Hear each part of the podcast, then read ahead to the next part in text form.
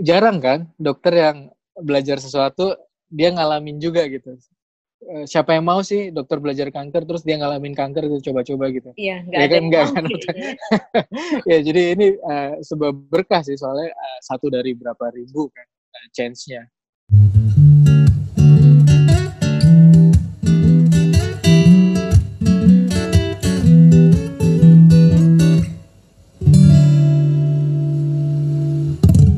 Relatif Perspektif Podcast adalah podcast yang bertujuan menjadi jembatan agar masyarakat luas paham akan isu kesehatan. Visi kami supaya kesehatan tidak lagi eksklusif hanya dibicarakan mereka yang menggeluti profesi sebagai tenaga medis saja. Episode baru akan terbit setiap hari Minggu. Temukan kita lebih jauh di Instagram at relatif.perspektif. Perkenalkan, saya Dr. Sheila Putri Sundawa, klinisi dan pemerhati isu kesehatan masyarakat yang akan memandu jalannya podcast ini. Dengarkan sampai selesai karena di setiap akhir episode ada rekomendasi film dan buku dari kami.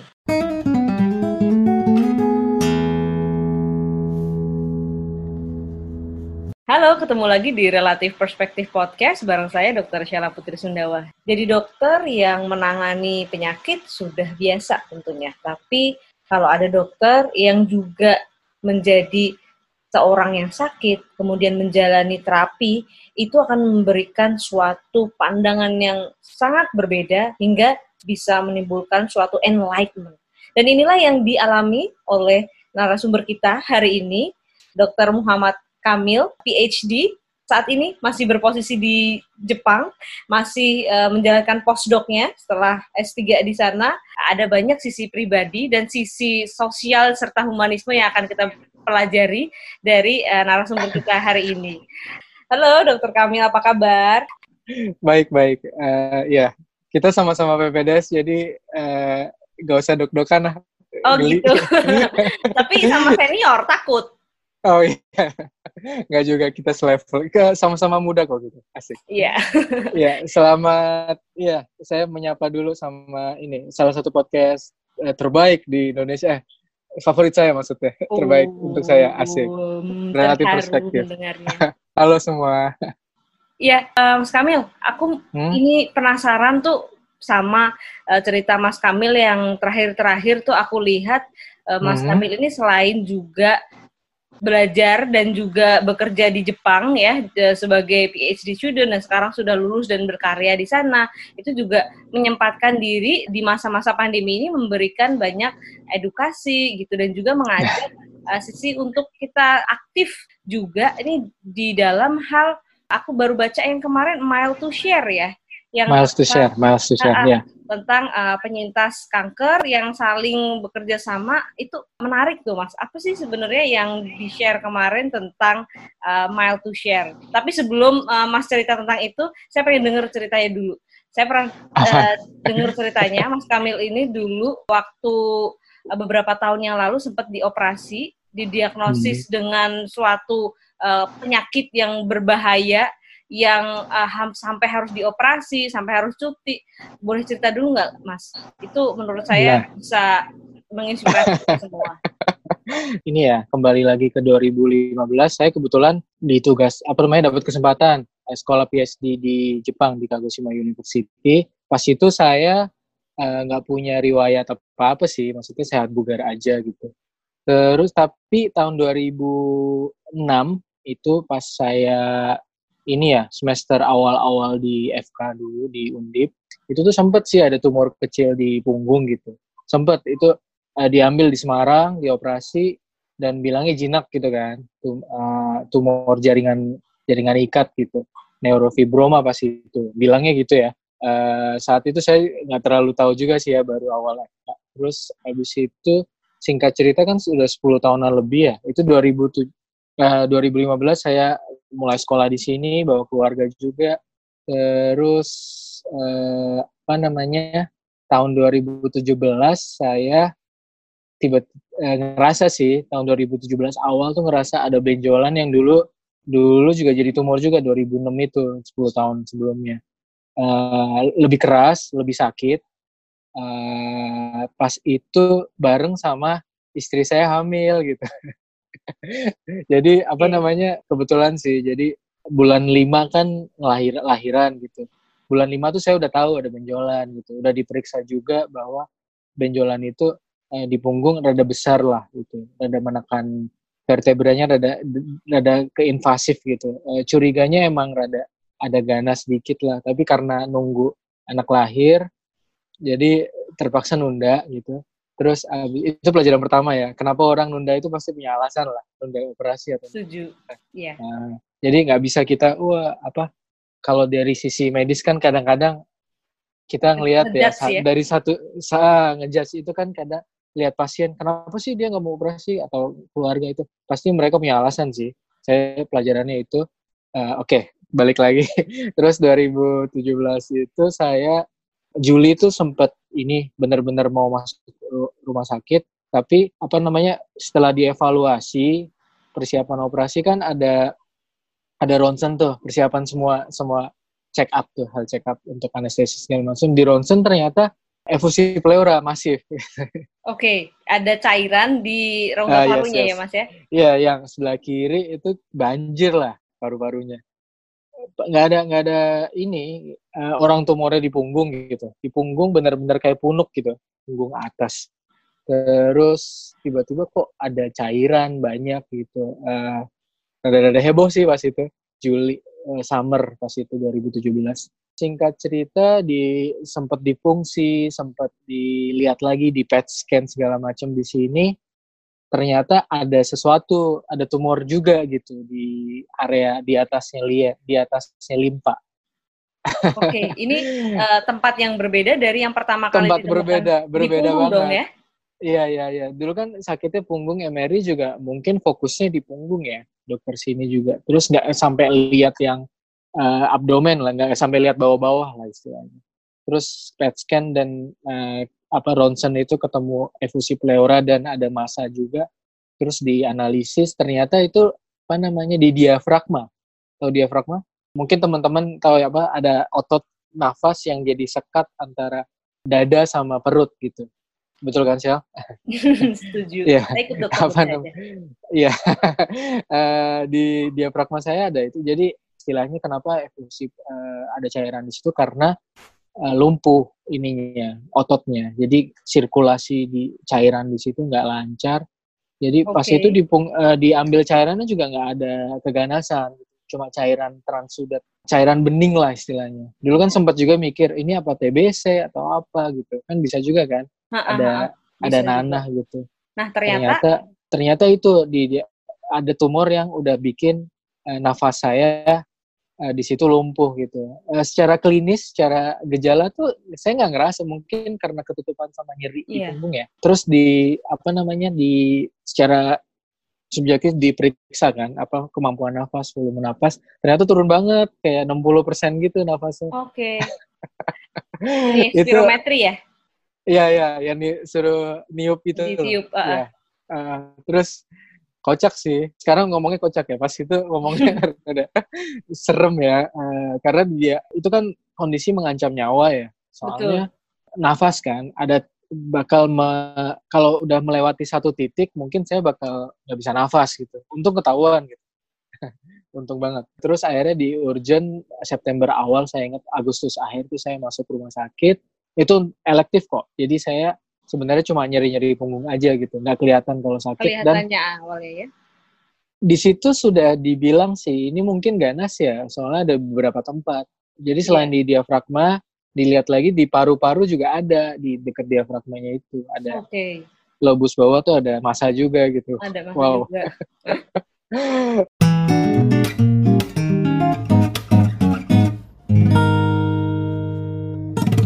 sebagai anak muda, saya ngerasa yeah. muda pas itu umur 30-an ya.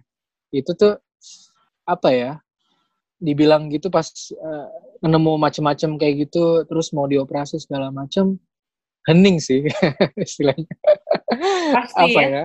Pasti kayak shock dulu gitu gak sih Mas? Mikir kayak ada ada ada ada gitunya, ada gitunya. Cuma pas itu kan anak baru lahiran, anak ini kan anak kedua kan, terus mm -hmm. istri juga di sini jauh uh, kita jauh dari keluarga kan jauh yeah. dari cuma cuma kita doang di sini apalagi saya bukan di bangsanya Tokyo atau Osaka yang banyak orang Indonesia nya di sini kan cuma dikit lah nggak Oke. sampai 20 dan kota kecil lah istilahnya di sini. Jadi benar-benar kita sendiri dan itu saya nggak ngomong juga sama teman-teman. Bener-bener saya sama istri aja yang tahu. Rada-rada introvert. Eh, terus habis itu mau operasi baru bilang sama teman yang tapi operasinya bilangnya cuma ambil tumor gitu doang. Oke. Bukan bukan operasi yang sampai eh, torakotomi lah istilahnya kan, bukan Iya. dada macam-macam. Pas waktu itu dilakukan Hmm. operasi, kadang kalau kita ngelihat diri sendiri kayak sakit, ah paling nggak apa-apa lah, orang saya masih muda juga. Kayak saya Yes, juga rajin olahraga, kayak nggak ngerokok gitu, nggak nggak mikir ke tumor yang ganas gitu. Nah, waktu waktu itu Mas Kamil gimana sih ngadepin atau em, tahu Tentu- berita kalau ten- mungkin ini sesuatu yang emang dari dulu kayaknya saya udah kepikiran, cuman nggak berani. eh, Jadi apa namanya ini nyambung ya? Apa coincidentally aku di sini risetnya soal kanker gitu, kanker otak. Oke, Ah, jadi mungkin soal basic eh, sainsnya soal kanker aku eh, lumayan lah ya, lumayan ada ada isinya gitu. Jadi eh, sangat tidak mengelak lah kalau aku kanker gitu. Biasa aja soalnya statistik di dunia juga bila eh, apa pun eh, eh, kamu maksudnya sesehat apa pun, se sebersih apa pun gitu kan, atau eh, nggak ada keturunan apa pun ya kamu juga bisa kanker gitu. Itu Iya. itu faktanya begitu dan itu mungkin yang nggak nyampe ya di temen eh, di di masyarakat ya di kita ya. Nanti mungkin itu yang nyambung ke mahasiswa. Eh, jadi ke aku sendiri ya pas itu ngomong sama istri tentu saja terus ngomong sama orang tua di rumah orang tua saya ibu saya sih kayak kayak gimana gitu biasalah mus- eh, nggak mungkin ibu biasa aja kan tahu Iya. anaknya jauh macam-macam tapi mungkin di keluarga saya tuh nggak terlalu yang drama ya. Oke oke operasi operasi aja gitu. Terus nanti pas operasi ibu saya bakal ke sini gitu. Tapi bukan pas hari operasinya tapi ada seminggu ada jeda seminggu sih. Jadi di sini bener-bener nggak ada yang ngalangin lah istilahnya. Ya oke kita mau operasi di sini bla bla bla. Sempet sih mikir bahwa ini apa oh, dioperasi di Indonesia aja ya dekat keluarga. Tapi Iya. Prof prof saya di sini tuh kayak eh, langsung bilang eh, eh, nggak mikir panjang kamu harus operasi di sini saya di sini sebagai ayahmu gitu maksudnya sebagai orang tua luar biasa ya waktu di Kalau- sana juga Yes, yes, yes. Itu rada-rada wow. kayak mentor bener- jadinya. Apa ya di eh, salah satu eh, keuntungan belajar di luar negeri sebagai yang belajar lanjutan ya. Itu tuh kayak profesor atau supervisor tuh kayak udah kayak orang tua sih ya.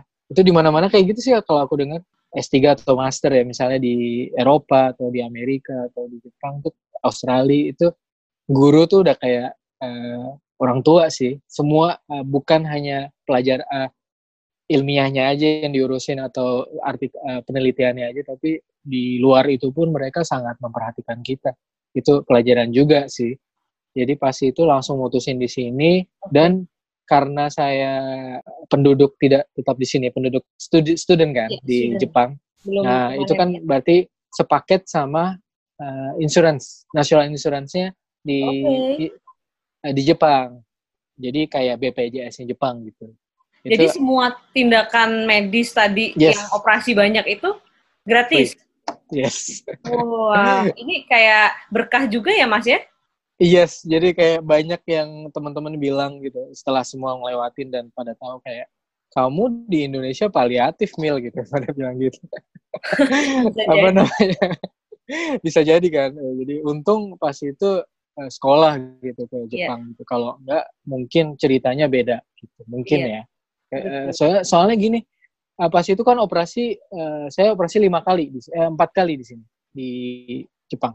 Di Jepang operasi lima Eh kali. bukan, bukan empat kali, eh tiga kali, sorry sorry tiga. Oke, tiga kali. Saking Hmm. banyaknya sampai lupa hitung-hitungannya. Iya, yang operasi yang soal ini dan Iya, ini oke. tiga kali. Saya potong sedikit, mungkin teman-teman yang di sini Ah, eh, Oh agak iya, iya. asing dengan istilahnya paliatif itu adalah terapi di mana kita tidak lagi memberi berusaha untuk um, Mem- menyingkirkan sebab utamanya, tapi hanya berfokus pada kenyamanan pada Dan kualitas hidup untuk s- apa namanya kenyamanan orangnya pasien sampai sisa hidup di sisa hidupnya. pasien. Betul. Rada-rada ini ya kurang populer ya paliatif di Indonesia, ya nggak sih? em, mungkin ke, makin ke sini makin dicoba untuk dipopulerkan ya Mas, soalnya Yes, yes, setuju, setuju. kayak uh, seagresif apa pun kita yang kita lakukan kalau pada hmm. akhirnya memang keinginan keluarga, keinginan pasien itu kan kita harus mempertimbangkan juga ya, nggak semuanya ingin. Iya, tapi kalau kalau lihat di luar negeri, di Jepang atau di US atau di Eropa, itu kan ada uh, palliative care itu uh, nyampe di masyarakat pesannya gitu. Kalau di Indonesia kan kadang-kadang ada kesan bahwa semua penyakit ada obatnya. Se uh, banyak uh, spektrum soal binernya itu loh. Maksudnya kalau ke dokter ya sembuh gitu loh, cari sembuh. Kalau ya. udah bilang nggak bisa sembuh berarti dokter mendahului Tuhan atau gimana lah. Oh, iya, Terus iya, jadinya ya jadinya ke alternatif. Itu kan spektrum-spektrum yang mungkin nanti jadi pelajaran buat kita-kita ya, Sel ya. Apalagi di kanker anak ya, misalnya. Itu kan uh, lumayan juga kan yeah. untuk iya. ngadepin orang tua dan keluarga. Ya, saya bisa bayangin sih itu.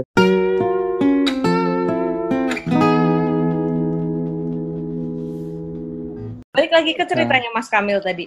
Apa yang eh, selain dari pengalaman uh, berobat di Jepang dengan semua fasilitasnya difasilitasi gratis, mendapatkan hmm. begitu banyak kemudahan dan uh, apa saya bilang mungkin cutting edge teknologi ya kalau untuk kanker dan mungkin, mungkin. yes. di sana. Kita mungkin bisa sedikit membayangkan bahwa uh, tidak akan semudah itu perjalanannya yes, kalau di Indonesia. Yes.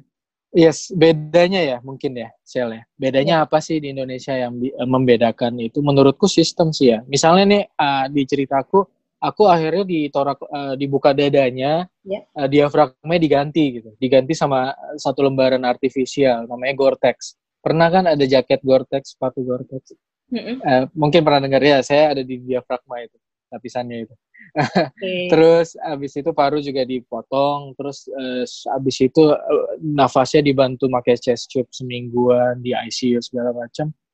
Uh, sampai kembali normal, nunggu tiga bulan, terus dioperasi punggung, punggung juga white excision. Soalnya didiagnosis fibrosarkoma ya, tadi belum cerita ya. Fibrosarkoma itu kanker jaringan uh, ikat. Ini uh, sarkoma itu emang langka kan, ya nggak sih?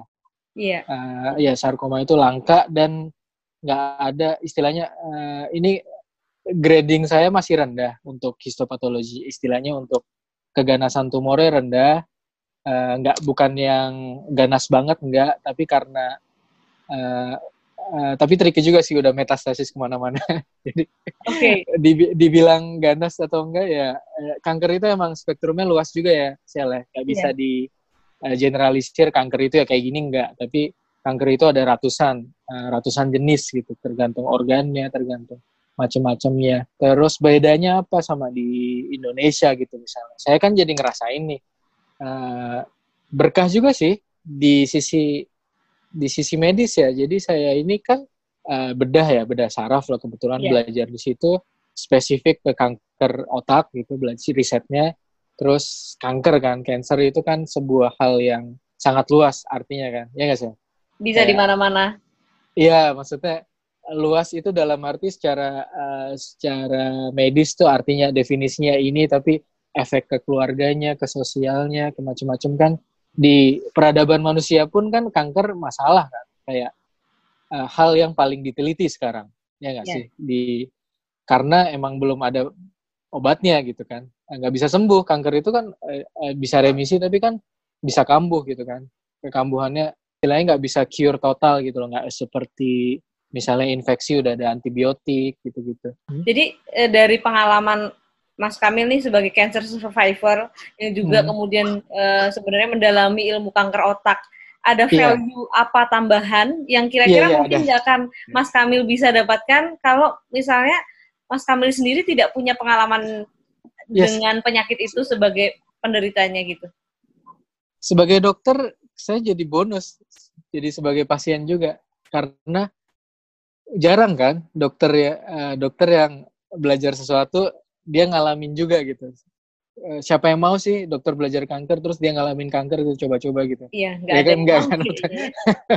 ya jadi ini uh, sebuah berkah sih soalnya uh, satu dari berapa ribu kan chance-nya uh, untuk saya gitu misalnya. Jadi saya ngerasain uh, kanker itu gimana gitu. Bukan hanya sebagai diagnosis saja, tapi sebagai nilai-nilai yang lain misalnya saya kanker gitu teman-teman saya tuh perasaannya gimana keluarga saya perasaannya gimana dan saya sendiri pas dirawat itu gimana perasaannya didiagnosis dari pertama dibilangin sampai yeah. menjalani kejenuhan itu kan terapinya lama banget dan kontrol seumur hidup kan. Nggak uh, remisi sempur saya sekarang free cancer tapi itu kan apa ya titel yang sementara kan.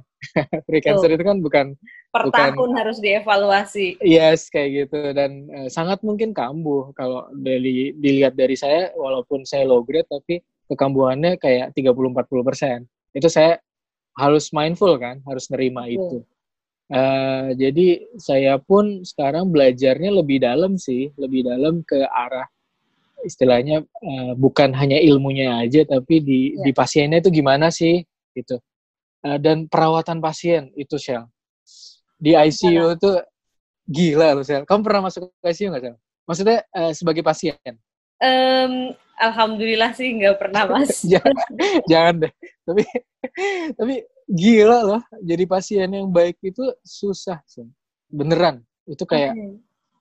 lebih respect sih sama pasien. Setelah saya jalanin semua. Dulu kan pas PPDS kan kayak contohnya nih pasangan NGT gitu pasangan yeah. NGT uh, eh, saluran ini ya masuk uh, apa namanya saluran makan yang ke, ke lambung itu uh, selang makan itu dulu kan ke pasien pasang-pasang aja gitu kayak yeah. oh, apa nggak sakit kok nggak sakit. Nah, oh, sekarang gimana sih kok ditarik-tarik? Gila. Respect sama pasien yang bisa tahan makan gitu luar biasa. Gila.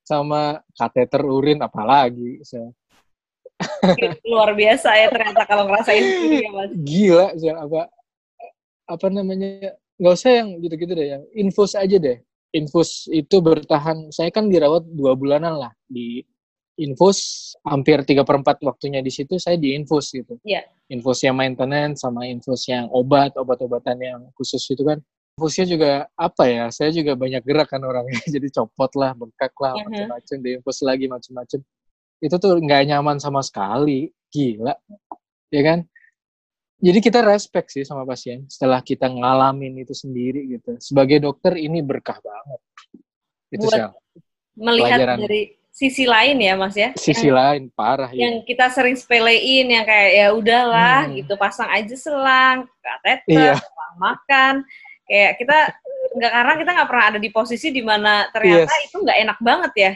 dan iya kita kurang empati kan kita cuma uh, sebagai dokter mungkin uh, jalanin pendidikan berapa tahun gitu kita juga kan kalau PPDS ngelihatnya guru-guru kita maksudnya kita nggak jelekin guru-guru kita ya tapi maksudnya kita uh, dengan padatnya ilmu itu diberikan ke kita kita kan jadinya ngelakuin praktis praktis praktis gitu. Tapi yeah. kita kadang miss soal empati ke pasien. Misalnya di keluarganya kita menyampaikan edu, uh, diagnosis ke pasien tuh uh, gimana? Itu juga pelajaran banget sih saya yeah. nggak bisa sembarangan kan? Uh, misalnya apalagi soal diagnosis keganasan gitu ke pasien. Itu kan harus A sampai Z harus komplit ngasihnya. Nggak bisa kamu kanker loh. Setahun lah gitu. Masa ngomong gitu doang? Udah kayak apa aja? Pingsan. Iya. Iya. Kadang-kadang di, miss juga kan di situ. Pasien juga kadang nggak uh, di Indonesia kan banyak kejadian kan istilahnya. Pasien nggak terima lah apalah. Betul. mungkin itu menurutku ada ada gap soal komunikasi yang kita emang perlu meningkatkannya. Iya, oke. Okay. Um, ada satu hal yang mungkin um, menurut saya ini adalah kelebihan dari Mas Kamil ya dibanding kita dokter yang nggak ngalamin apa-apa ini adalah Mas Kamil tuh ada di iya. posisi yeah. di mana nggak semua orang tuh punya uh, kesempatan untuk itu dan hmm. uh, akhirnya punya mungkin memaknai penyakit itu dan memaknai pasien itu sebagai orang yang utuh gitu nggak cuma seorang yang yes, yes, yes. punya penyakit ini tapi adalah seorang manusia yang punya keluarga yang dulu sebelum sakit itu, itu punya kehidupan dan itu kayaknya um, kerennya kalau saya rasain ya mas ya. Kalau karena saya ini masih di rumah sakit banyak kerjaannya. Kadang itu sesuatu yang kita nggak punya waktu lagi untuk merasakan kesulitan orang lain. Jadi kayak enam apa ya istilahnya? Mungkin yes yes. Kadang gitu kadang. Jadi uh, empati itu menurut saya bukan hal yang uh, konsisten sih. Kayak iman gitu kan sih? Apa namanya? Naik turun lah pasti. Naik turun. jadi empati itu harus dira uh, empati itu penting. Kita harus mera, uh, uh, apa melihat itu. Empati itu sangat penting untuk kita kerja untuk kita jalanin. Apalagi soal sama dokter ya soal hmm. dokter ini. Yeah. apa butuh empati mulu gitu kan. Tapi kalau kadang-kadang uh, kita lupa kalau empati itu harus dijaga kadarnya kan. Kadang uh, itu yang yeah. jadi pelajaran banget dan harus ini harus di share juga maksudnya kamu juga pasti bakal belajar ini ke depan sih sebagai dokter anak apalagi kan iya harus terus-terusan dilatih ya mas ya mau yes, yes, kita yes. sebagai berapa lama udah jadi dokter tetap harus dilatih hmm, ya, karena hmm. itu tadi bener ya katanya itu bisa naik turun gitu tergantung kondisi yes. dan kerjaan yang apakah terlalu banyak itu kayaknya juga bisa yes. mempengaruhi bisa mempengaruhi benar Jangan lupa, kalau kalian suka dengan episode podcast ini, follow podcast kita dan share ke teman-teman kalian yang lain supaya mereka juga bisa mendapatkan manfaat seperti yang kalian juga dapatkan. Jangan lupa juga untuk follow Twitter saya at Oxfara. Di situ kalian bisa mendapatkan banyak info kesehatan dan juga update setiap episode barunya Relatif Perspektif Podcast. Di Instagram kita juga ada di relatif.perspektif. Sampai ketemu di episode selanjutnya. Bye!